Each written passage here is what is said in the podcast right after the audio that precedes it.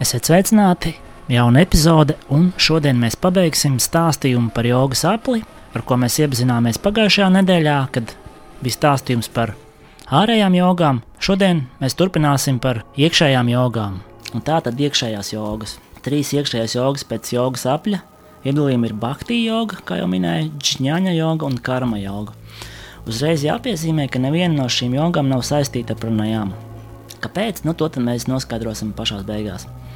Tas ir iekšējais disciplīnas, kas ir attiecīgu iekšējo ētisku kvalitāšu izpausmes.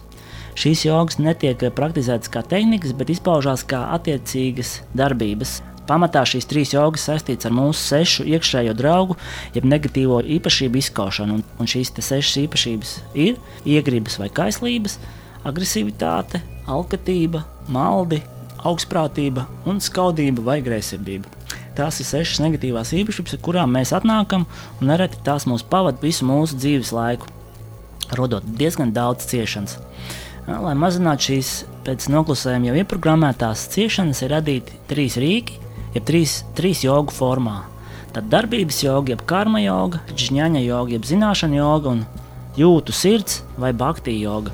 Un tad katru no šīm trim aplūkosim mazliet tuvāk. Karma joga ir pirmā, un tās praktizēšana noved pie imunitātes pret karmu, proti, karmas vai uzkrātā labo slikto darbu lejupilā nenotiek.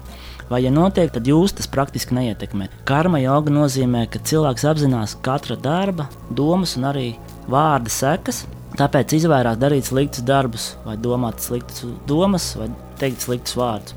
Dara labus darbus, kas nenes ciešanas ne sev, ne citiem un nepieķeras labo darbu rezultātam.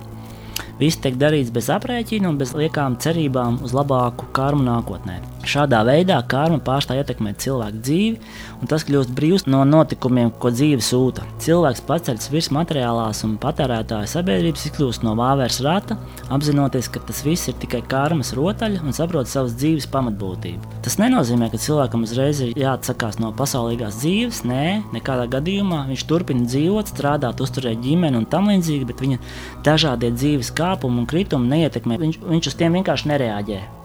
Jo ir sapratis kādu dziļāku būtību, lai kas arī šādi cilvēku dzīvē notiktu, tas nespēja viņu satricināt. Tas nav tā, it kā cilvēks būtu kļuvis nejūtīgs, bet viņš vienkārši konstanti atceras par dvēseles nemirstību, kas arī visa pamatā - Bhakti joga. Pielūgsmes, kalpošanas vai sirds joga. Sirds tiek atvērta augstākiem spēkiem, dievībām līdz ar to arī visai pasaulē, pārējām dzīvajām un nedzīvajām būtnēm. Rezultātā cilvēks sasniedz vienotību ar augstāko apziņu un dzīvo ne, nebeidzama prieka un laimes stāvoklī.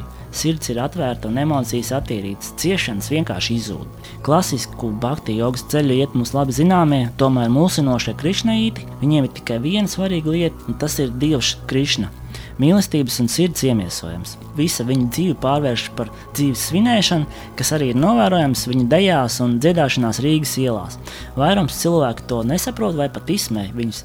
Tikai tā ir šo nesaprotošo cilvēku muļķība.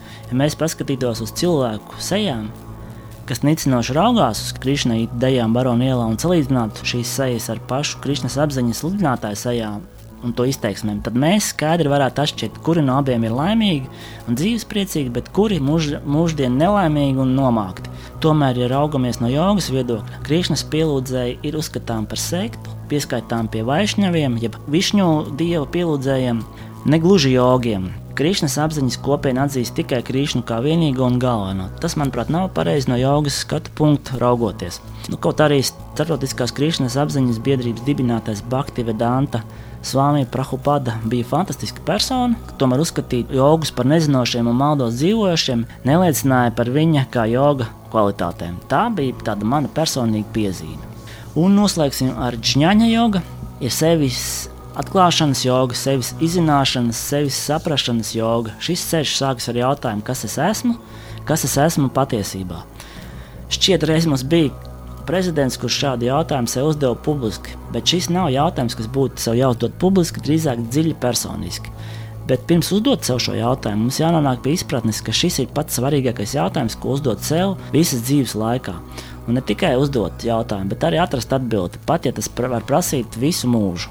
Džiņāņa joga ir darbs ar prātu, precīzāk ar intelektu, bet neiegrimstot pārāk dziļā racionalizēšanā. Un atbildes uz šo svarīgo jautājumu nav meklējams ārpusē, gudrās jogas grāmatās vai gudru cilvēku runās.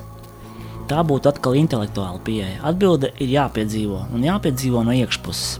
Pihāras jogas skolas skolotāji ļoti precīzi nodefinējuši šo iekšējo un ārējo jogas konceptu, kas saliek visu pa plauktiem. Viņu 3H koncepts, jeb, jeb head, heart un hands, precīzi raksturo jogas pamatbūtību. Tas ir darbs ar galvu, rokām un sirdi vienlaicīgi. Rokas ir karma joga, sirds ir bhakti joga un galva atbilst šņaņa jogai. Un šīs trīs iekšējās jogas darbojas kā lakmus papīrītis, cik daudz un cik labi esat sapratuši to, ko mums bija jāsaprot praktizējot pranajāmu, hatha vai raģa jogu. Vai arī citas ārējās jogas disciplīnas. Ja esam ar jogas praksēm sapratuši ko vairāk, tas arī izpaudīsies mūsu ikdienas dzīvē, ikdienā attiecībās ar cilvēkiem un pasauli. Tieši tāds ir jogas mērķis Ne jau celt savu ego augstāk ziloņkalu tronī, rekā es protu locīt ķermeni vai rekā es māku meditēt, bet tieši otrādi būt atvērtākam un pieejamākam pasaulē, citiem cilvēkiem un dabai. Jo tas ir pats svarīgākais. Joga ir vienotība, vienotība ar dzīvi, ne separācija no pasaules.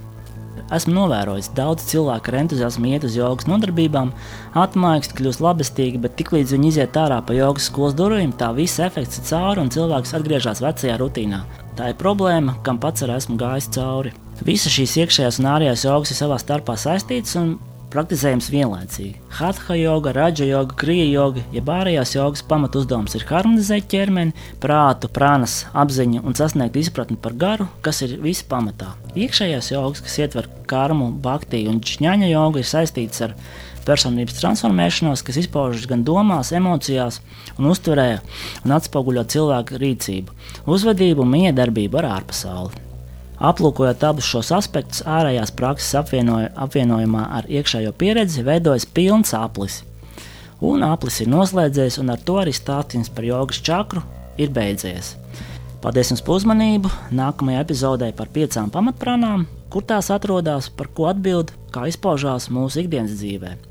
Bet es jums saku paldies, uzmanību, uz tikšanos, atā, so ham!